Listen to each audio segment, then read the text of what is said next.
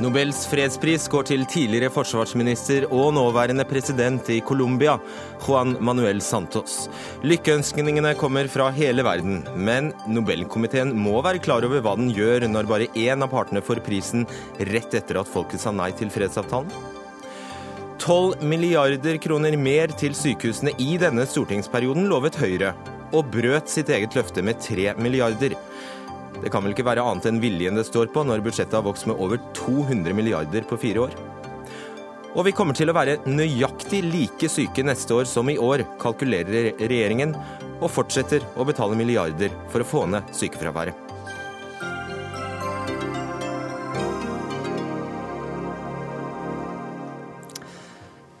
God kveld og velkommen til Dagsnytt 18. Jeg heter Fredrik Solvang. Bare fem dager etter at folket i Colombia sa nei til fredsavtalen, går altså Nobels fredspris til én av partene i konflikten, nemlig president Juan Manuel Santos. Den andre parten som skrev under fredsavtalen, FARC-geriljaen, er holdt utenfor. Leder i den norske Nobelkomité, Kasi Kullmann Five, hvorfor premierer dere bare den ene parten? Ingen av de andre partene er holdt utenfor. Også de er i høyeste grad omtalt i vår begrunnelse. Eh, men det er Santos som er mottaker av prisen. Eh, han har eh, tatt initiativet til denne prosessen. Da han gjorde det for seks år siden, så var det en meget modig politisk beslutning i den situasjonen som var i Colombia. Han har hele tiden vært en pådriver i prosessen. Og det finnes eh, analytikere som før dette ble offentlig kjent, sier at nettopp ved at statslederen, lederen for den utøvende makt, har tatt initiativ og gått inn fullt med vilje til å nå frem i en slik prosess, det er det som er forskjellen på denne fredsprosessen og de tidligere forsøkene. Så omtaler vi da også de andre partene. Vi sier at vi ønsker at prisen også skal forstås som en hyllest til det colombianske folk og til alle parter som har deltatt i prosessen. Likevel, det er en kalkulert risiko å utelate den ene av to hovedparter, for å si det sånn, da, FARC-geriljaen? Det har skjedd tidligere i fredsprisens eh, historie. Det er ikke en eh, første gang noe slikt eh, skjer. Men, men hvorfor vi, denne gangen? Vi uttaler oss aldri om hvorfor man ikke har valgt en person eller organisasjon som prisvinner. Vi har eh, selvfølgelig, når vi omtaler alle de øvrige partene, så er vi meget klar over at FARC og Londonio er helt eh, sentrale blant disse partene. Og vi har eh, lagt merke til at FARC både har uttalt etter at det ble nei, så har Londonio selv sagt at det er med eh, ord og ikke med våpen vi nå skal bygge fremtiden. Og de holder fortsatt fast ved våpenhvilen, som jo er noe av det viktigste som er oppnådd på bakken. Ja, han har også understreket at den eneste prisen han ønsker seg, er eh, fred. og Det må vi jo ha. Ja, det syns jeg er en meget god kommentar, og det har også presidenten understreket. Nettopp. Um, ja, Santos, det er vel en kjensgjerning at Santos hadde ikke vært der han var i dag uten FARC? Ja, Slik kan man også se det, men jeg syns eh, det er en litt pussig måte å se det på. Greit. Han er tidligere forsvarsminister i Colombia, Juan Manuel eh, Santos. Eh, og før det var noen fredsavtale i det hele tatt, da hadde han ansvaret for den, det militære i konflikten med FARC. Og den colombianske staten har jo til tider ført en ganske brutal kamp mot denne geriljaen? Ja, så Kampen har jo vært brutal fra begge sider, og det har jo vært mer enn to parter i dette. Og det er fortsatt mer enn to parter. Det er jo også andre geriljabevegelser som ikke har sittet inne ved bordet nå. Eh, det at eh, Altså for å si det sånn, i vårt komitérom så har vi bilde, portretter av alle vinnere av prisen. Jeg vil formulere meg slik det er bare én mor Teresa på de veggene. Nettopp. Og de andre De har ulike, høyst ulike bakgrunner, men eh, en god del av dem har deltatt i væpnede konflikter som ledere. Men det er jo det faktum at eh, Santos snudde rundt og tok et initiativ som kanskje nettopp fordi han hadde den bakgrunnen, var en vanskelig og tøff beslutning. Andre vil si at den var enklere fordi han hadde den bakgrunnen. Mm. Det kan man strides om. Men det viktige faktum er at han tok et slikt initiativ, og det var en modig, meget modig politisk beslutning. Prio-direktør Christian Berg Harpviken uttalte tidligere denne uka at det er en fare for at en pris til Colombia nå kan oppfattes som en direkte kritikk av resultatet av folkeavstemningen, altså det marginale nei-et. Ja, jeg har hørt uh, ham og noen andre si det. Det er det overhodet ikke. Vi understreker jo sterkt at dette er en oppmuntring til alle parter om å gå videre i fredsprosessen og finne løsninger. Og det er faktisk slik at nei i folkeavstemningen ikke var et nei til fred, men det var et nei til denne avtalen, som enkelte kommentatorer sa, den må fikses på noen punkter, og så får vi se hvor mange punkter. Det er ikke vår oppgave å si noe om. Men Santos har jo snudd seg øyeblikkelig rundt og invitert til en bred nasjonal dialog for å legge grunnlaget for en slik videre prosess. Siden dere ellers aldri forteller hva som foregår inne på det møterommet, så kan du få benytte anledningen. Når bestemmer dere dette her? Fordi det som skjer, jeg regner med det var bestemt før folkeavstemningen.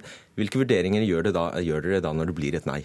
Eh, du kan ikke regne med noen ting. Vi kan bestemme oss når vi vil, og vi bestemmer oss alltid sent i prosessen. Eh, statuttene for Nobelkomiteen eh, pålegger meg å overhodet ikke snakke om prosessen rundt valget av pristager, men jeg henviser til begrunnelsen. Den kan kanskje gi en clou om eh, hvor tett vi har fulgt prosessen. Jeg går hjem og leser den veldig nøye. Takk skal du ha, Kasi Kullmann Fiel. Dagsnytt 18 alle hverdager kl 18.00 på NRK P2 og NRK2. Og president Santos har eh, som sagt eh, uttalt at han tar imot prisen på vegne av det colombianske folket, og at Colombia er svært nære å oppnå fred. Eh, nå skal vi høre med presidentens representant i Norge, ambassadør Alvaro Sandoval Bernal. Um, welcome and congratulations on the Nobel Peace Prize, Your Excellency. Thank you so much. We appreciate a lot your words, and thank you, thank you very much. Now, uh, President Santos stated that uh, his son Martin uh, woke him this morning and to tell him the news about the uh, decision of the Nobel Committee. You actually, you actually know the president. How would you best describe him? Well, he's a Democrat. Is the first uh, aspect that I would like to underline. Uh, also, um, very rigorous politician and uh, a man that uh, consecrate his life to peace. This is very relevant, but uh, I also underline this particular um, preoccupation on the victim situations. He's uh, an statesman and a very rigorous uh, Democrat and a very serious politician in, in, in my view, in according to his praxis in the polit- political life. Have you spoken to him today? No. yes, many, yet. many, uh, many right. activities. Many phones, exactly. calls to make. Exactly. Yeah, okay. Uh, now, you, you yourself were only an infant when the war broke out in Colombia. Uh, has Colombia ever been closer to peace than this at this point in time? Well, uh, Firstly, I would like to express uh, our gratitude for the decision to award Nobel Peace Prize to President Juan Manuel Santos, and we believe that peace, uh, this Peace uh, Prize is an essential uh, a message of hope for the Colombian people. This is so relevant, and a message in order to search peace in a very uh, reasonable manner in a short time. This is very, very relevant.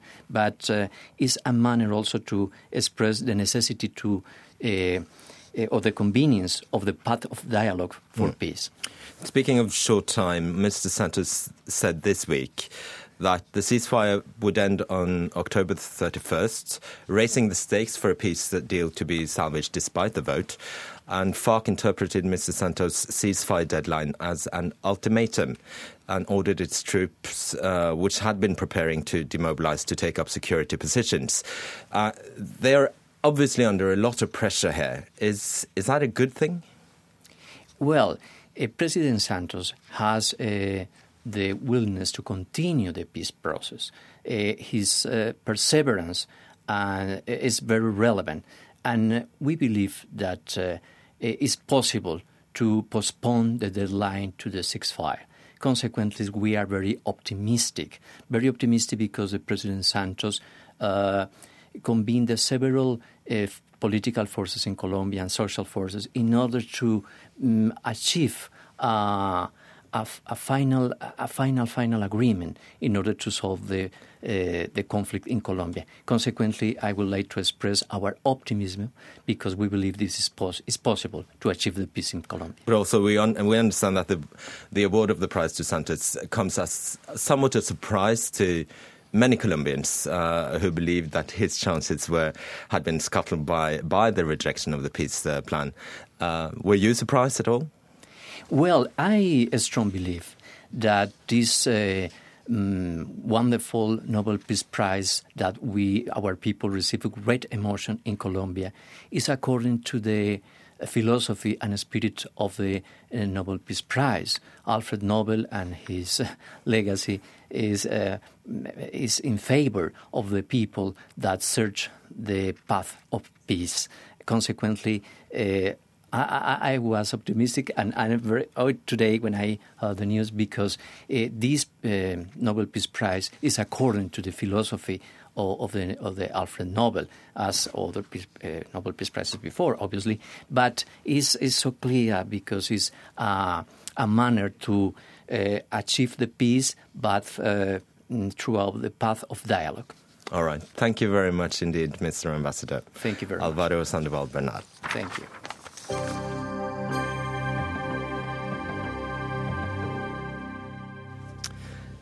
Vi skal selvfølgelig ha mer om dagens fredsprisutdeling. Den blir som vanlig hyllet av FNs generalsekretær, av statsministre, statsledere verden over. Vår egen Erna Solberg uttaler f.eks. at dette var en velfortjent fredspris til en leder med stort mot. Og fra Colombia meldes det at folk er stolte men også, som jeg nevnte her, noe forundret. Og da spør vi var det en god pris? Trond Jødal, tidligere analyseleder for organisasjonen i amerikanske stater i Colombia. Du, du, du advarte på NRK Ytring for et par dager siden mot å gi fredsprisen til eh, Colombia. Du skriver å tildele fredsprisen til partene i en avtale som fikk støtte av 19% av de stemmeberettigede, vil kunne oppfattes som en provokasjon og et lite konstruktivt innspill. Hvorfor er det en provokasjon? Ja, altså Det er jo det å si at det aller vesentligste, og den provokasjonen består i, er at det ville vært en katastrofe om FARC hadde fått prisen. Jeg mener at Juan Manuel Santos fortjener prisen, men jeg har, jeg har si, vært redd for hvilke reaksjoner det kunne skape i Colombia dersom FARC eller si, personer som oppfattes i Colombia, som FARC-relaterte, f.eks representanter for ofrene som, som høyresiden mener tilhører FARC, det ville ha skapt en voldsom backlash. Jeg tror det var en klok ting av komiteen å gi fredsprisen til Santos alene. Om det var klokt eller pragmatisk eh, riktig, hadde det vært feil å gi det til FARC? It takes two to tango. Ja, jeg mener at det ville ha vært, eh, det ville, ville vært feil eh, av to grunner.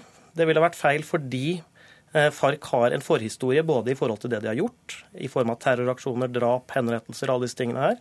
Jeg har selv vært og plukka inn lik etter FARC, så jeg vet åssen det der ser ut. Og eh, det ville vært feil for, eh, fordi det ville skapt en reaksjon som kunne ha gjort det enda vanskeligere å få til den tredelte løsningen vi trenger nå. Og du er ikke snauere enn at du sammenligner FARC med IS? Ja, altså det syns jeg Det skal jeg si at eh, kanskje var en litt for drøy eh, okay. Eh, sammenligning. Men det som er poenget, er at i Colombia så, så er det veldig mange som har den følelsesmessige merkelappen 'terrorist' på FARC. Og det er den følelsesmessige merkelappen som gjør at dette er så vanskelig å svelge. Da skjønner vi. Benedicte Bull, professor ved Senter for utvikling og miljø ved Universitetet i Oslo. Hvem er han, president eh, Juan Manuel Santos? Ja, Som det har vært sagt mange ganger nå, så er han jo en del av eh, den eh, økonomiske og politiske eliten i, i Colombia. Han tilhører en familie som har hatt politisk makt i mange, mange år. Men han er jo en del av den mer urbant orienterte Eh, økonomiske eliten, og har da eh, sin måte, som står imot den mer jordeierbaserte økonomiske eliten. Og så var han, som det har vært sagt her, forsvarsminister under sin nå politiske erkefiende Alvaro Rive, eh, hvor han ikke minst eh, huskes eller blir ansvarlig for eh, det som kalles skandalen om falsos positivos, hvor man da eh, kledde opp uskyldige gutter på landsbygda og skjøt dem og fikk da eh, på en måte godkjent det som drap av geriljasoldater. Så han har også blod på hendene, men, eh, men har spilt en veldig viktig rolle nå de 74 årene i forhandlingene, selvfølgelig, og flere år, altså en god stund før det, mm. eh, da det ble forberedt. Ja, Så ikke, en, ikke bare en fredsselvdemokrat, som vi hørte ambassadøren omtale ham eh, som. Men hvorfor snudde han det? Jeg tror nok han har mange motiver. Eh, jeg tviler ikke på hans, eh, hans virkelige ønske om fred i Colombia. Han er også en demokrat. Han, I motsetning til eh, andre innenfor politisk eliten som har mer autoritære trekk. Og så er det vel ikke noe tvil om at han også har økonomiske motiver. Her er også ikke minst i en del av forkontrollerte områder som har hatt store naturressurser. Så det er nok flere motiver som har spilt sammen, tror jeg. Henrik Wiik, forsker ved Høgskolen i Oslo og Akershus, har jobbet tett på Colombia i mange år. Også bistått UD med rapporter i denne fredsprosessen som er pågående fortsatt. Du sier til Dagbladet at vi har fyrt av den store Nobelkanonen et år for tidlig. Ja, der gikk kruttet allerede nå. Eh, jeg ville heller ha brukt Nobels pris som en slags høythengende gulrot for ikke bare Santos og Timosjenko, men absolutt også for Uribe. Poenget er å få han til forhandlingsbordet nå som en tredjepart. Vi trenger alle tre på plass for å få en avtale som kan holde over tid. Og Da snakker du om Alvaro Uribe, tidligere president og erkefienden til Santos. Helt riktig. Eh, det er rett og slett at vi trenger alle tre for å få en vedvarende avtale. Så nå er det ikke mulig å ha dette insentivet for eh, Uribe, som også er forfengelig som alle andre politikere, at man kan faktisk oppnå anerkjennelse i framtiden. Det er ikke nå mulig. Eh, det kunne vært et veldig viktig insentiv å, få til det. Fordi at nå har Uribe sagt Først så sa han at eh, han skal bare ha noen små endringer, så vil han stå innenfor avtalen. Ok, Da er vi i mål med en omforent avtale som gir oss fred. Kjempebra. Siste utspill i går, så er det plutselig den listen mye lenger. Det kan jo da være et slags forhandlingsutspill for å ha noe å gå på når han da møter med sin representant også på Havanna-forhandlingene. Poenget her er at eh, rett og slett, jeg tror at komiteen tenker litt for proaktivt. De tror at de kan utdele en pris, og så skal det istedkomme en eller annen eh, fra action. Partene skal gjøre et eller annet. Jeg vil heller bruke det mye mer som en gulrot som folk kan streve mot å få ved å gjøre de riktige trekkene. Hva sier du, Bull? Altså, jeg kan bare flette inn her at uh, Oribe skriver på Twitter jeg feirer nobelprisen til president Santo og håper prisen vil føre til endringer i den skadelige fredsavtalen demokratiets, for demokratiets skyld. Hvordan skal vi tolke dem? Jo, jeg syns jo det er fint han har gratulert ham også personlig. Eh, det var vel ikke annet eh, å forvente enn at han kommer med en sånn liten eh, Altså noe sånt på slutten. Og jeg syns jo Jeg er ikke så kritisk som Henrik Wiig til dette her. Jeg syns det er en riktig pris. Jeg syns det er klokt å gjøre det nå.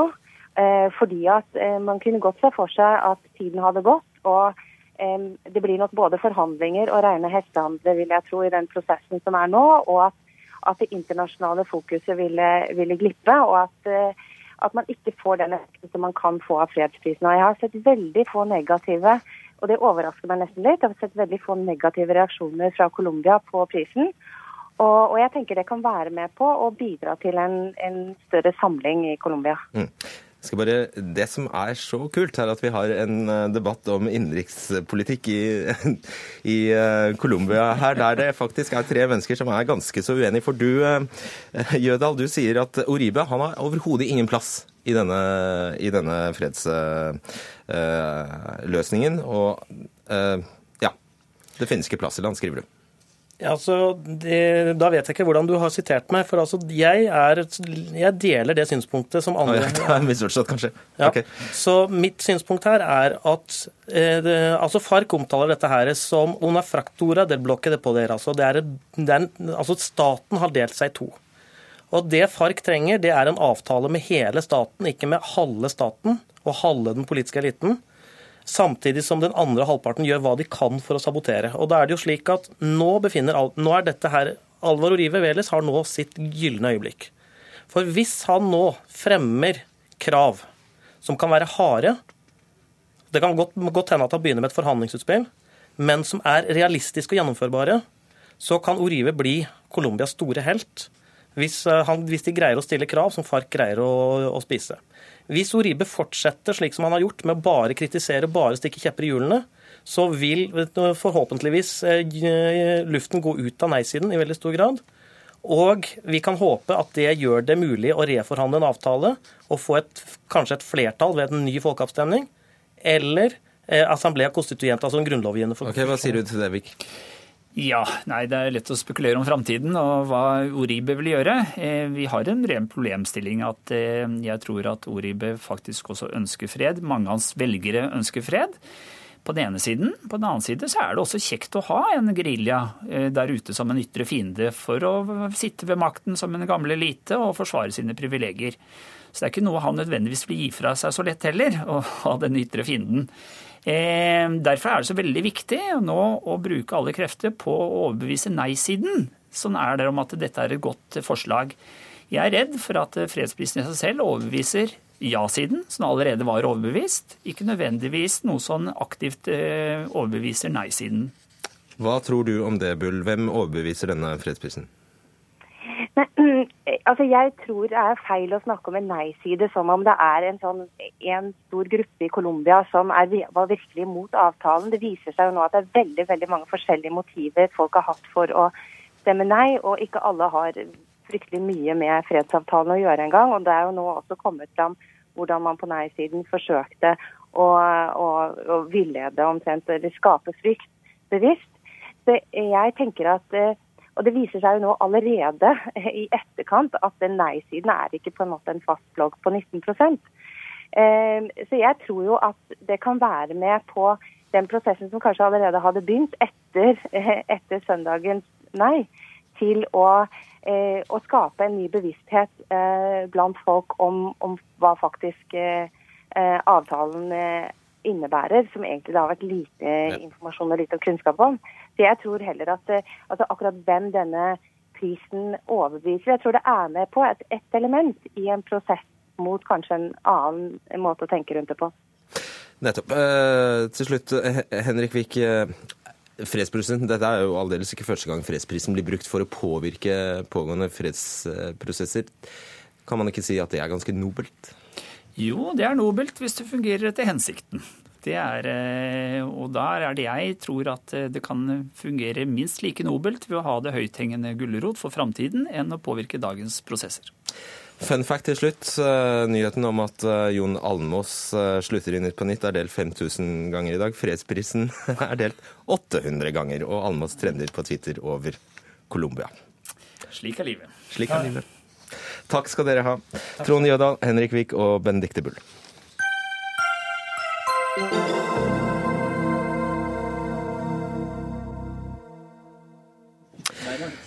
Like før Høyre gikk inn i regjering og Bent Høie ble helseminister, lovet partiet 12 milliarder ekstra til sykehusene i denne stortingsperioden. Det vil si i løpet av 2017.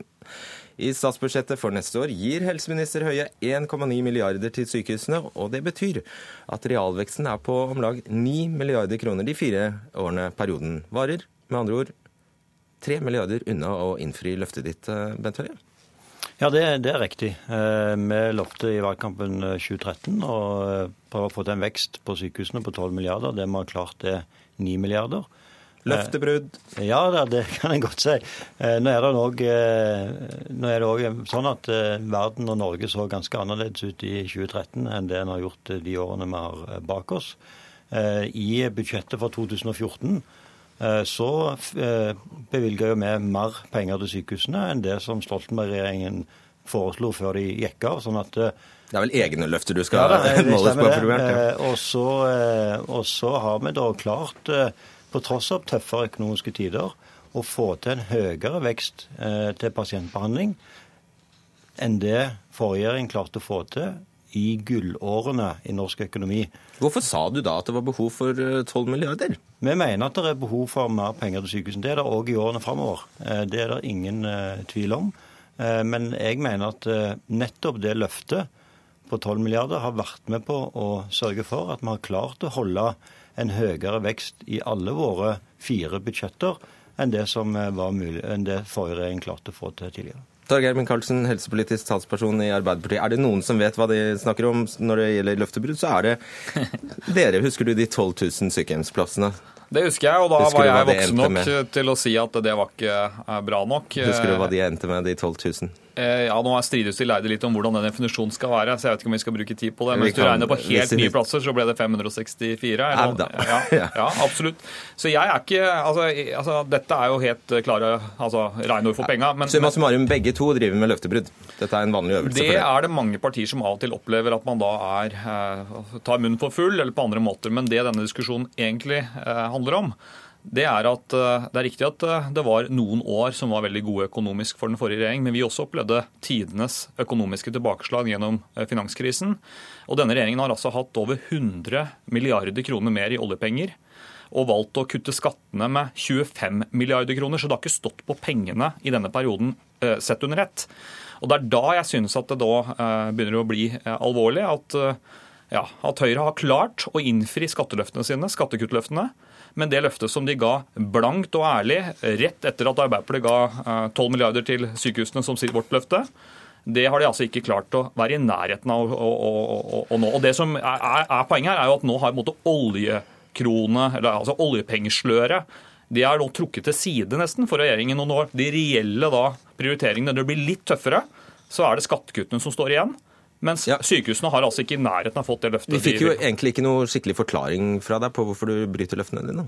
Nei, det, Jeg syns jeg svarte på det. Men for det første så mener jeg at det løftet har vært med på å bidra til at vi har innfridd en høyere vekst i sykehusene og til pasientbehandling gjennom våre fire år enn det som en klarte tidligere, på tross av økonomisk vanskeligere eh, tider. Så du skylder på økonomisk vanskeligere tider? Det er bl.a. en av årsakene til at vi ikke har nådd det. det... Statsbudsjettet har økt. Du har økt ditt eget statsbudsjett. Ja. Altså Regjeringen har økt statsbudsjettets utgiftsside med 200 milliarder, og så klarer du ikke å hoste opp 3 milliarder for å innfri et valgløfte. Men det er jo bl.a. pga. at vi har måttet brukt penger på ting som vi ikke kunne forutse i 2013. Eh, blant annet, eh, Ikke 197 milliarder, akkurat. Blant annet en eh, betydelig tiltakspakke mot ledighet. Vi har måttet håndtere en flyktningkrise. Og det har hatt betydning for muligheten til å prioritere òg de andre områdene. Men det som er viktigst, det er jo hva har vi fått til for pasientene. Og det var jo sånn at når Arbeiderpartiet la fram dette løftet sitt først på 12 milliarder, så sa de at det skulle føre til at 1 million flere pasienter fikk undersøkelser og behandlinger enn i 2012. Det målet nådde Høyre-Fremskrittsparti-regjeringen. Men da burde dere jo gå ut med løfter om hvor mange ja, pasienter dere skal det, behandle, og ikke pengeløfter, da. Men, det målet nådde Høyre-Fremskrittsparti-regjeringen to år før Arbeiderpartiet sjøl trodde de skulle okay. nå det. Og, det. og vi har fått ned ventetiden, færre står i kø. Men da var det et feil løfte? Sykehusets økonomi er sunnere enn noen gang. Og det viktigste er selvfølgelig at vi har klart å behandle flere pasienter, redusere ventetiden og redusere sykehuskøen. Det var ikke behov for pengene, sier du nå plutselig? Okay. Jeg sier at fortsatt er det behov for mer penger til sykehusene i årene framover. Så du kunne behandlet enda flere? Det er fortsatt behov for mer penger til sykehusene i årene framover. Men det viktigste er at vi har nådd viktige mål for pasienten. Vi kan ikke svare fort på det, fordi vi har også med oss eh, Sykepleierforbundet. Ja, altså når du lovte de 12 milliardene høye til sykehusene, så dro du jo litt til ekstra. For da lovte du også et tillegg eh, fritt behandlingsvalg som skulle koste 1-3 milliarder kroner i tillegg. Det har du heller ikke vært i nærheten av å levere på. Poenget er bare dere har hatt mer enn nok penger, dere har hatt store ressurser tilgjengelig. Dere har valgt å bruke det på skattekutt i 25-milliardersklassen, men ikke klart å levere til å ruste Norge for framtida med å investere Og det i sykehus. Eli Gunnelby, leder i Norsk eh, Sykepleierforbund. Ja, dere er også misfornøyd med dette. Ja, vi mener jo at eh, det er et såpass stort etterslep eh, nettopp på det som er utfordringene der. Vi vet at vi har en dårlig bygningsmasse i sykehusene. Vi vet at vi trenger å oppdatere medisinsk-teknisk utstyr, og vi vet også at IKT-utfordringene er store. Og nettopp når man har alle disse store utfordringene, der også sykehusdirektørene har gått ut og sagt at eh, nå er grensen nådd, så mener vi at eh, nå er det det er svært skuffende at Bent, Hykke, Bent Høie ikke har klart å eh, innfridd de lovnadene han kom med, og at det fortsatt da er tre milliarder eh, som, eh, som henger igjen på det som han faktisk eh, lovt. Den gangen, Ja. den gangen så sa han faktisk at det var helt nødvendig å måtte for den anslåtte lønns- og prisveksten bare. Han sa det. Eh, ja, og, og, når- og når vi ser da de utfordringene som faktisk er der eh, Vi har hatt stor eh, en stor effektivisering. Og, og, og det å eh, bevilge penger i budsjett handler altså om å faktisk prioritere det her. Vi trenger å ha høy medisinskfaglig eh, eh, både kompetanse og utstyr ut der, nettopp for å klare å ivareta pasientsikkerhet. Det er jo ikke bare Sykepleierforbundet som sier dette, Bent Høie. Altså I forrige uke uttalte sykehusdirektør Inn Nils Kvernmo ved St. Olavs eh, hospital bekymring for misforholdet mellom ambisjoner og ressurser ved norske sykehus. I går kom det svært bekymrede utspill fra både Legeforeningen og Sykepleierforbundet, som frykter at folk ikke får den behandlingen eh, de trenger. Hva sier du til det? For det første så forstår jeg veldig godt at eh, Sykepleierforbundet og Legeforeningen skulle ønske seg at vi òg hadde klart å levere de siste tre milliardene. Men jeg håper òg at de er i stand til å glede seg over at vi har fått til en høyere vekst til sykehusene nå enn det som har vært vanlig tidligere. Og denne veksten på 9 milliarder, den kom i tillegg til pris- og lønnsutviklingen, altså på toppen av, eh, av det. Men du Også- lurte dem jo også- til å juble. Og så, ja, men så er det også sånn at Hvis en så ser på de forholdene som Sykepleierforbundet her tar opp, investeringer i bygninger, IKT, så er de rekordhøye. Eh, Og I budsjettet nå for neste år så setter vi i gang bygging av nytt sykehus i Stavanger. Oppgraderingen av sykehuset i Bergen. En stor utbygging i Førde. Samtidig så bygges Sykehus-Norge langs hele eh, kysten i, i, i Nord-Norge. Og det er rekordinvesteringer i IKT. Og sykehusøkonomien har aldri vært sunnere enn det den er nå. De går med overskudd og investerer. Og ikke minst så ser vi at pasientene får et bedre tilbud. De venter kortere. De får flere pasienter får hjelp, og Arbeiderpartiet sitt løfte innfridde denne regjeringen to år før Arbeiderpartiet sjøl trodde de skulle klare det. Og alt dette med tre milliarder mindre. Fantastisk. Nå skal vi høre hva din eh, partikollega Kristin Ørmen Johnsen eh, sa forleden. Vi har ett budsjett igjen, og vi skal også eh, foreslå midler til budsjettet inn i, i, i 18. Det betyr at du, dere opererer med femårs stortingsperioder, Bent Høie?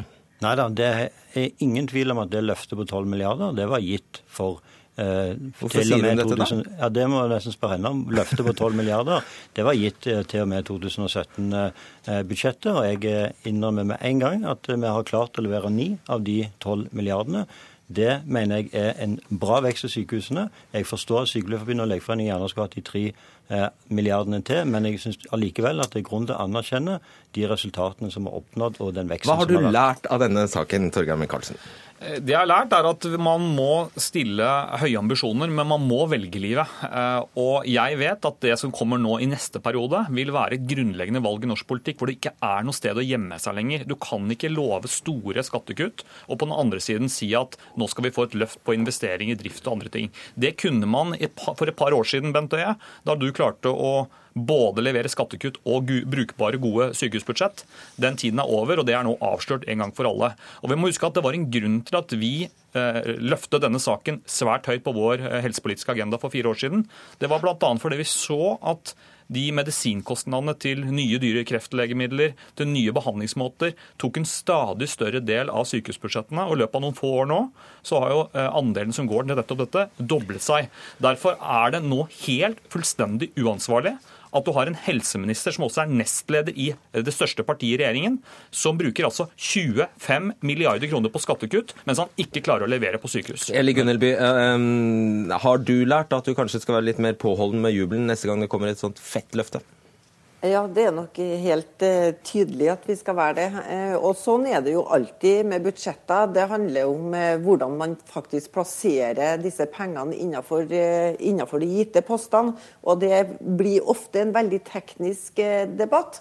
Det vi må være opptatt av da, som Sykepleierforbund og Legeforeningen har vært i, i det her, det er å si noen ting om den helheten som er der. Og jeg syns at vi må ta på alvor at når helse, nei, når, når, direktørene på helseforetakene faktisk roper et varsko på at nå er strikken eh, strekt langt nok, så, så, så må vi ta det, ta det på største mulig alvor, nettopp for å klare å trygge befolkninga på at de skal få en god behandling når de blir innlagt på sykehus. Du har bare noen få sekunder på deg, Bent Høie. Vil ja. du si unnskyld til velgerne dine? Nei, for jeg mener at uh, det løftet har vært med på å løfte sykehusene. Og jeg er helt enig med Sykepleierforbundet og Legeforeningen at vi trenger mer penger til sykehusene i årene framover. Skal vi tro på det neste gang? Og så er det sånn at Høyre er ikke bare opptatt av å bruke penger, men vi er opptatt av at pengene skapes. Og da må vi faktisk slutte å straffe norsk næringsliv. Arbeider, Skal vi tro på det neste gang, Bent Høie? sitt svar er å sende en skatteregning på 10 milliarder kroner Skal vi tro på det neste gang? Skal vi tro på det neste gang? Ja, Det er all grunn til å tro på at når Høyre sier at vi prioriterer et område, så leverer vi. Det har vi gjort. Vente, ventetidene går ned. Altså, flere, får, flere, får, flere, flere, får, hjelp, og det er rekordinvesteringer i norske sykehus. Sykehusene i Norge har aldri vært sprekere enn nå. Takk. Selv med mindre penger. Takk, Torgeir Micaelsen, Bent Høie og Elle Gunnelby. Hør Dagsnytt 18 når du vil. Radio NRK NO.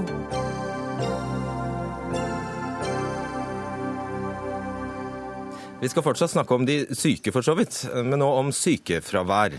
Det var i Norge på 5,8% i andre kvartal i år, og koster skattebetalerne og arbeidsgiverne 65 milliarder kroner i året. Eh, så da skulle en tro at regjeringen regnet med å få det tallet ned. Men nei. Eh, I forslaget til statsbudsjett som kom i går, la regjeringen opp til nullvekst i sykefraværet. Altså vi skal være nøyaktig like syke neste år. Og vi har spurt Arbeids- og sosialdepartementet om å stille i dag. Jeg skal ikke påstå at de var syke, men de har i hvert fall tatt høstferie. Knut Rød, seniorforsker ved Frisch-senteret. Det høres jo ikke særlig ambisiøst ut av en regjering å legge opp til nullvekst i sykefraværet? Nei, På den annen side så syns jeg jo det er betryggende at man ikke budsjetterer med en reduksjon som man egentlig ikke har grunnlag for. Så, så fremt man ikke foreslår noe konkret for å redusere sykefraværet, så virker det jo rimelig fornuftig å, å legge seg på at det kommer til å fortsette på omtrent samme nivå som nå. Så det gjør de ikke, altså? De kommer ikke med noen nye tiltak for å få ned fraværet? Nei, så vidt meg bekjent er det ikke lagt fram noen ny strategi nå. Det jo, har jo lenge vært et samarbeid eh, kalt for inkluderende arbeidsliv mellom partene i arbeidslivet og staten med tanke på å få eh, sykefraværet ned. Og i noen grad har man jo faktisk lykkes med det òg. Så det er jo betydelig redusert i forhold til eh, hva det var på, på toppen rundt 2002-2003. Eh, så i noen grad har man lykkes med det. De siste årene har det ligget eh, relativt konstant. Og det er ikke noen nye store initiativ nå som peker i retning av at det kommer til å gå kraftig ned. Nei, og da snakker vi egentlig om at altså, det gikk veldig opp i 2009, men det skyldtes hovedsakelig svineinfluensaen. Og så har det ligget på om lag 6% etter det. Ja. Og det er altså, eh, Knut Rød, til tross for Altså, Det er milliarder som brukes på, på denne IA-avtalen. altså, i tiltak, diverse tiltak. Det er i hvert fall fem hovedtiltak i IA-avtalen. Det er tilretteleggingstilskudd, Raskere tilbake, tiltak mot snille leger, og så er det dialogmøter og, og sånt noe. Og dommen, den ganske deprimerende dommen eh, over disse tiltakene fra en rapport fra eh, Folkehelseinstituttet i 2013, er at det fungerer ikke. Nei, altså Noe av dette mener jo vi fungerer. da, Har faktisk hatt effekt. Bl.a. disse dialogmøtene har hatt en effekt på sykefraværet. Og den satsingen som man har gjort på å få til såkalt gradert sykemelding, altså at folk skal være noe til stede på jobben framfor å være helt borte, og at arbeidsplassene har et ansvar for å tilrettelegge for å få til det, det har faktisk virket. Og er nok en viktig årsak til at man faktisk har fått sykefraværet en god del, en god del ned. Andre av disse tiltakene er det høyst usikkert hvilken effekt egentlig har. Hvorfor fortsetter man med det da? Det er vel et håp om at dette da skal eh, virke. Du kan si Denne satsingen på Raskere tilbake den har i hvert fall ført til at folk blir i noen grad fortere friske, om de ikke kommer så mye raskere tilbake på jobb. Hmm. Sveinung Rotevatn, stortingsrepresentant for Venstre, medlem av arbeids- og sosialkomiteen på Stortinget. Hvordan tolker du denne setningen om at man regner med nullvekst i sykefraværet? Jeg tolker det vel på samme måte som Rød, at eh, en ikke har noen nye tiltak å sette inn. Og sykefraværet i Norge har vært stabilt over mange år, stabilt høyt over mange år. Et av de høyeste blant sammenlignbare land. Og da må vi jo bruke de titalls milliardene det er snakk om, da, for å betale folk eh, for å ikke være på jobb. Og det budsjettet skal jo du vedta. Ja, nå skal vi jo forhandle i løpet av høsten, da. Eh, men vi snakker jo om IA-avtalen her, ikke sant, og hvordan den ikke har fungert etter hensikten. Da tror jeg det er viktig å huske bakgrunnen for hvorfor den kom. IA-avtalen den kom fordi en politisk ikke ønskte å diskutere de tiltakene mot sykefravær som en veit ville fungert. og Det handler om egenandeler for arbeidstakerne, og det handler om mer ansvar for arbeidsgiverne. Det ville verken arbeidstaker- eller arbeidsgiversida ha snakk om, og da fikk en denne avtalen i stedet for. Men etter mitt syn og etter Venstres syn så er det nå eh, snart på tide at vi setter oss ned og snakker om det som vi veit vil fungere, selv om det er litt vondt og vanskelig. Og det er? Det er at vi gjør slik som alle andre land i verden. Og det er at du som arbeidstaker har en eh, liten egenandel når du ikke er på jobb, slik vi har i alle andre trygdeordninger. Og det er at bedriftene bør få et noe større ansvar for å finansiere sykefraværet over lengre tid enn de dagene de har i dag, slik at bedriften har et insentiv for å legge til rette for at folk for det første ikke blir syke, og for det andre kommer seg fort tilbake på jobb. Det ville fungert. Eh, det mener Venstre vi bør diskutere, og det tror jeg er en diskusjon som ville måtte komme før eller senere med tanke på avisoverskriften i dag om at festen snart er slutt. Vi har ikke uh, ubegrenset oljepenger igjen, og da må vi ta de tøffe diskusjonene. Uh, la oss bare først som sist oversette uh, eufemismen 'en liten egenandel' til kutt i sykelønna. Stein Regaard, sjeføkonom i LO. Hva tror du, altså Vi ligger altså på rundt 6% i sykefravær her i landet. Hva tror du er grunnen?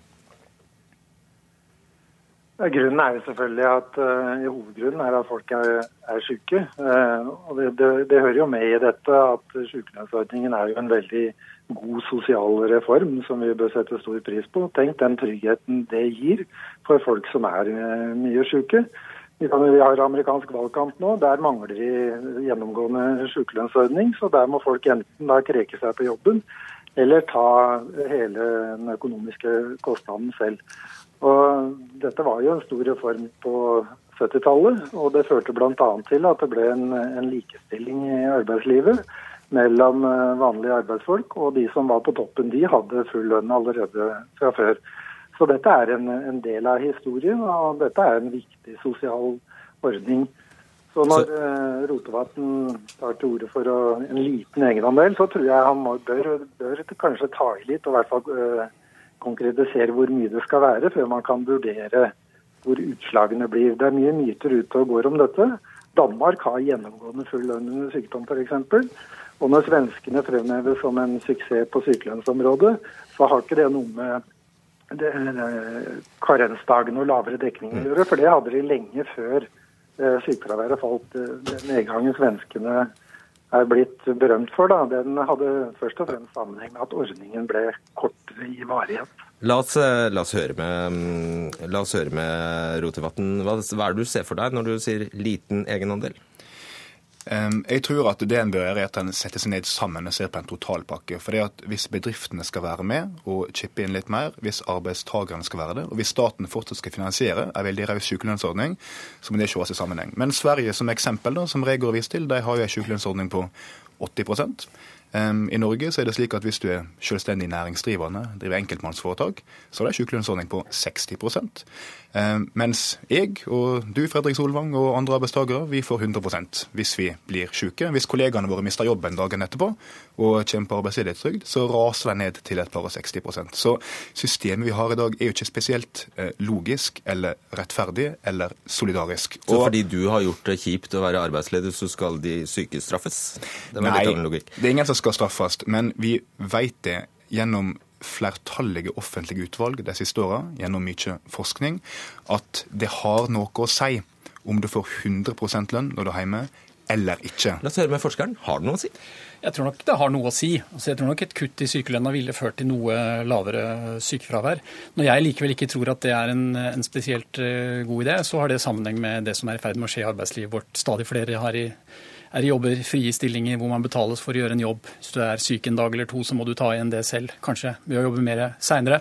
Det finnes ikke noe godt grunnlag for å kutte i lønna uh, for de yrkesgruppene. Så i praksis så snakker vi om en ordning som vil bli veldig forskjellig for ulike arbeidstakergrupper. Og Det ser vi også i de landene som har uh, dårligere sykelønnsordninger, at veldig mange arbeidsgivere likevel velger å betale 100% i hvert fall for korttidsfravær. Så det er vanskelig å se for seg at en sånn ordning kan bli den samme for, uh, for alle. Det som derimot jeg tror er en veldig god idé, det er som, som ble nevnt her, å, å legge om finansieringen av sykepengene for arbeidsgiverne. Slik at man faktisk får et motiv for å hjelpe arbeidstakere som har vært syke lenge tilbake igjen i jobb. Tilrettelegge, kanskje anstrenge seg for at man kan gjøre jobben sin på tross av at man kanskje har vondt i ryggen eller har noen lettere psykiske lidelser, som er de dominerende diagnosene bak sykefravær i Norge. Og hvorfor skulle arbeidslivet si ja takk til det? Nei, Det er akkurat det som er problemet. At uh, i, dag, i, dag, så er det litt for lettvint å velte kostnadene over på, på folketrygden, på, på, fellesskapet. fordi at etter at en person har vært borte i 16 dager, så er det folketrygden som betaler sykelønna. Og Da er det veldig fristende for arbeidstakere å, å, si til arbeidstakeren at nå behøver du endelig ikke komme tilbake før du er helt frisk, og appåtil virke litt snill, mens det vi i realiteten gjør, er å støte folk ut av arbeidslivet. Hvorfor tar ikke dere en skikkelig prat med NHO om dette, Stein Regaard? Jo, det tror jeg foregår. Nå er ikke jeg med i dette her området til, til, daglig, men det er jo en av fordelene ved dette samarbeidet som har vært og inkluderende arbeidsliv, at det er en arena og en løpende eh, organisering av samarbeid og, og, utveksling av synspunkter og erfaringer på dette området. Så det, det finner nok sted. Og, og jeg, er jo enig i det at eh, ansvaret for, for arbeidsgiveren her har en, eh, har en, kan ha en betydning, men det bør heller ikke overdrives. fordi at vet, Det forutsetter jo at du har ganske langsiktige arbeidsgivere, bedrifter som er ganske store og robuste antagelig, som, som, er i stand til å tenke og planlegge så langsiktig. Så det er ikke fullt så enkelt som det høres ut for. Men nå er det jo det kompromisset som gjelder, eh, og som alle er blitt enige om. Da. Alle partiene også, med, unntak av Venstre, da kanskje. Eh, så Derfor så regnes jo ikke det som noen, noen prekært aktuell eh, problemstilling, så vidt jeg har skjønt. Langt ifra Nei, det later jo ikke til å være det. fordi altså den blåeste regjeringen vi noen gang har hatt, sier jo nei takk til å gjøre noe med sykelønna.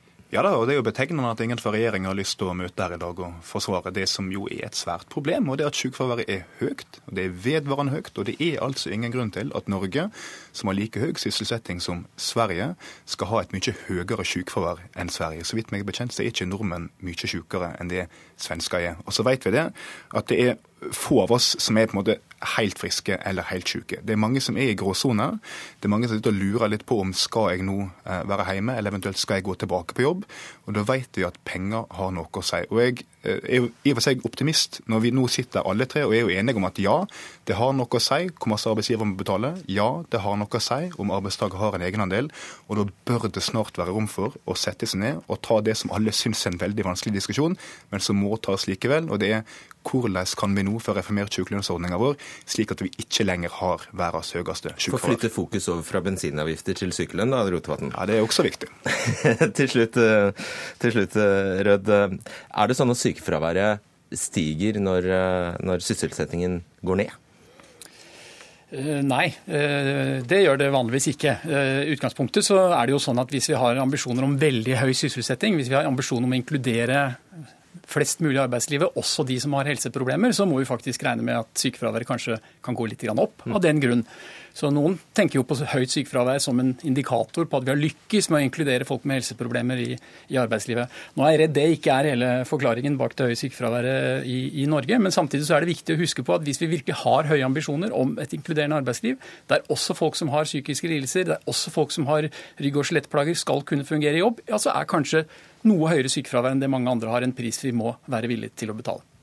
Interessant. Takk skal dere ha, Knut Rød, Sveinung Rotevatn og Stein Regaard.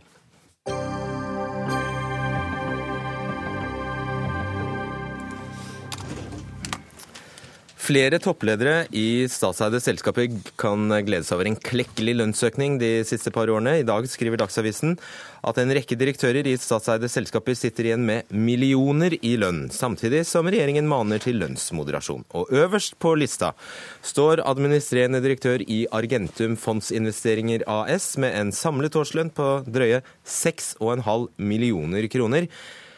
Og det er en økning på 600 000 kroner fra året før. Geir Pollestad, leder av næringskomiteen for Senterpartiet. Ja, du mener eh, regjeringen har latt lønnsfesten komme helt ut av kontroll? Ja, Eksempelet som her ble brukt, eh, kan jo tyde på det. Det er jo bred enighet om at små forskjeller er en styrke for eh, samfunnet vårt. På alle andre områder oppfordres det nå til moderasjon. Da er det viktig at topplederne òg i de statlige selskapene får oppleve denne moderasjonen. Og hva vil du gjøre med det? Nei, Jeg tror det trengs eh, eh klarere føringer fra eieren. Eh, et av hovedproblemene her er jo at en åpner for betydelig andel såkalt variabel lønn. Og det vil si altså tillegg til den faste lønna. Og Min tilnærming til dette er ganske enkel. Når du har 4,4 millioner i fastlønn, så må en jo forvente at du gjør en god jobb, en svært god jobb. Men altså her skal en ha 2,1 millioner i tillegg for å ha gjort en god, eh, god jobb med grunnlønn på 4,4 eh, millioner. Så det viktigste nå mener jeg at det, en kniper igjen på de variable lønningene, altså disse bonuslønningene. Og der eh, mener jeg at statsråden ikke har vært mm. tydelig nok i sin kommunikasjon. Næringsminister Monica Mæland hadde ikke anledning til å være med oss i kveld, men vi har med oss deg, Frank Bakke-Jensen, stortingsrepresentant for uh, Høyre. Du er med på telefon. Uh, ja. Vedkommende vi snakker om her, heter Joakim Høeg Krohn, er administrerende i Argentum Fondsinvesteringer AS. Hva, for, la oss ta det siste først. Hva i alle dager er Argentum Fondsinvesteringer for noe? Ja, Det er et eh, fond de har satt som skal som skal investere i En fond som er etablert som skal investere i, eh, i uh, selskaper. Altså det er et uh, ekvitetfond som, som, er statlig, som er, som er, satt for å investere i forskjellige porteføljer. Det som er interessant med et private eh, equity-fond, altså? Statens private, private equity-fond? Okay. Ja, ja. Han er sikkert veldig flink, eh, han uh, Joakim Høek Krohn, men ta dette her. Siden, han, siden han troner øverst her, så får han ja. bare tjene som eksempel. Ja, det ja. Altså, hvorfor skal han tjene 6,5 millioner? Nei, Det er jo et, et, det kunne jo vært et interessant spørsmål. Nå er det jo et uh, selskap som er etablert med Geir Pollestad satt i regjering. sånn at uh, hvorfor, han, hvorfor han i utgangspunktet gikk inn på en såpass høy lønn, Eh, det må vi nesten, kunne, må vi nesten spørre de, de, de, forrige om. Eh, så er det sånn at eh, alle er enige om, når vi, når vi har eierskapsmeldinga i Stortinget, så er alle partiene enige om at vi skal ha konkurransedyktige, ikke lønnsledende vilkår på, på lederne våre. Så hvordan kan dette skje, da? Finanssektoren er jo en, en, en sektor som, som har høye lederlønninger. Sånn at det styret som da har forhandla frem denne lønna, har antagelig vurdert det som ei annen lønn. Nei, nei, nei, siden nei. du nevner det. Jeg skal bare fortelle deg hva snittlønna for administrerende direktører innen finans og forsikring er, ifølge mm. Statistisk sentralbyrå. Mm. Den er på 1,9 millioner i året. Dermed er det et sprik mellom Argentum-sjefen på, altså fastlønn på 4,6 millioner og 1,9 millioner. Han er lønnsledende. Men hvis du går inn og, og så tar eh, på eh, sammenlignbare fond, så vil du få et annet eh, nivå. Det er nok, det er nok ganske greit. Men det som, det som i utgangspunktet jeg kan, være, jeg kan være enig i å diskutere nivået, men det er styret til selskapet som setter nivået. det er ikke stortingsrepresentantene. Det andre det er at når, når man setter av en del av lønna til eh, og skal være prestasjonsbasert, så er det veldig sjelden meg bekjent at styret sier du skal få eh, lønn ut fra hvordan selskapet presterer, men du må ikke lede selskapet så bra at, eh, at, eh, eh, at lønna blir for høy. Det, altså en, det, ligger også en prestasjon og et godt resultat for et selskap i bakgrunnen for at lønna skal bli så høy, må man forutsette. Så er det en annen ting som er interessant med den, med den innledninga til Pollestad til den saken her, det er at det at uh, eierstyringa er ute av kontroll. For at tallene på de, de selskapene som ligger under Nærings- og fiskeridepartementet, viser at uh, det faktisk er veldig god kontroll på lønnsutviklinga til, til, lederne i de selskapene. Det er sånn at Styrene har tatt signalene fra, fra eier, og man har hatt moderate lønnsoppgjør de, siste året i de, aller fleste selskapene. Pollestad, når sånn skal sies, det er faktisk et par her som har gått litt, litt ned i lønn, faktisk? Ja, det stemmer. Eh, og det eh, er jo òg et resultat av at en har hatt eh, tidligere hatt høye såkalte variable lønninger. Nå går de nedover. Men det som er et veldig sentralt poeng her, er jo ikke hva den rød-grønne regjeringa gjorde, men at Monica Mæland i 2015 åpna for at en skulle kunne få en variabel lønn som utgjorde 50% av fastlønna. Og jeg tror det at det er mulig å få en sjef til Argentum eh, for en pris på 4,4 millioner i året. At en ikke trenger gi bonus i tillegg. Så det hadde vært en god start og tok utgangspunkt i eh, det. Og kutte og stramt inn på hvor mye bonuslønn det er lov å gi. Og det har Senterpartiet foreslått i Stortinget. Gjorde hun virkelig det, Frank Bakke-Jensen? Altså, dette visste ikke jeg. Gjorde hun virkelig det? Ja, du, du må ikke snakke. Hør nå her. Det som har skjedd, det, for det første, de, viktige, de viktige grepene vi har tatt, det er at vi har, vi har gått i rette med eh, den uh, eierstyringspolitikken som var under rød-grønne. Vi har satt et tak på pensjonsgodtgjørelser på 12 G.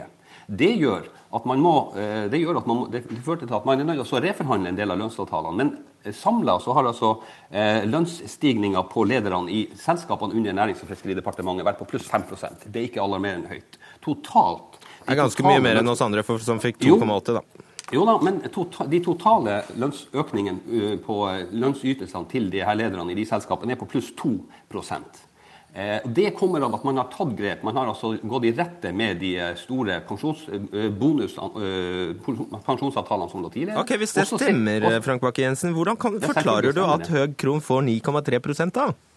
Nei, men det, det, I forhold til lønnsøkninga så, så, stemmer ikke det. Men han har en bonusbasert, altså en, en, resultatbasert lønn. Det er det ikke veldig mange på den lista i Dagsavisa i dag som har. sånn at når, når Geir Pollestad løfter det her som det store problemet, så er, så er, ikke det riktig. Det er ikke veldig mange som har uh, ytelsesbaserte tjenester. I hvert fall ikke veldig store ved siden av. Det, og, og, Den lista forteller meg at statsråden har tatt grep, har tatt de riktige grepene. For vi har kontroll på uh, pensjonsytelsene, på, som vil være lønnsutbetalinger over tid. Vi har kontroll på, på lønnsstigninga, for at den er moderat for de aller fleste selskapene. Og vi har kontroll på totalen. for når totaløkninga er på 2 for, eh, for lederne i, de, i selskapene innunder Nærings- og fiskeridepartementet. Okay. Vel, da har Men her skulle jeg jo ønske Frank Bakke-Jensen gjorde to ting. For det første var å slutte å skylde på de rød-grønne. Dere har styrt i tre år nå. Det er deres ansvar. Det andre er å erkjenne at her kan det være utfordringer. Her kan det være problemer en må løse, ting en må se nærmere på, og ikke bare forklare at alt er perfekt. Fordi at vi er i en situasjon der det er ekstremt viktig at det er oppslutning om moderate lønnsoppgjør. Og da eh, tar denne type eh, eksempel seg svært dårlig ut. Og Derfor så mener jeg nå at vi bør diskutere om vi skal endre formuleringen i retningslinjene som sier at eh, bonuslønn eller variabel lønn ikke bør overstige 50% Om det er et for høyt tall, om vi burde redusert det. At vi kunne hatt en diskusjon om disse tingene, og om vi faktisk skulle ta noen grep for å få ned eh, eh lønnsnivået. Fordi at dette er ikke enkelt. Den regelen din hadde jo gitt rom for nøyaktig den variable lønna som eh, Høg Kron faktisk har fått, da, Pollestad? Nei, nei, nei, det, er denne, det er denne formuleringen som står i Monica Mæland sine, uh, sine retningslinjer. Jeg ønsker at uh, en skal ha mindre adgang til variabel uh, lønn, og aller helst så ser jeg ikke noe stort behov for å ha den type bonuslønninger. Okay. Fordi at Hvis du har så høy lønn, så skal du i utgangspunktet gjøre en god jobb. Og jeg tror jo at vi er tjent med toppledere som ikke bare går etter pengene, men òg er eh, opptatt og engasjert i det de driver på med.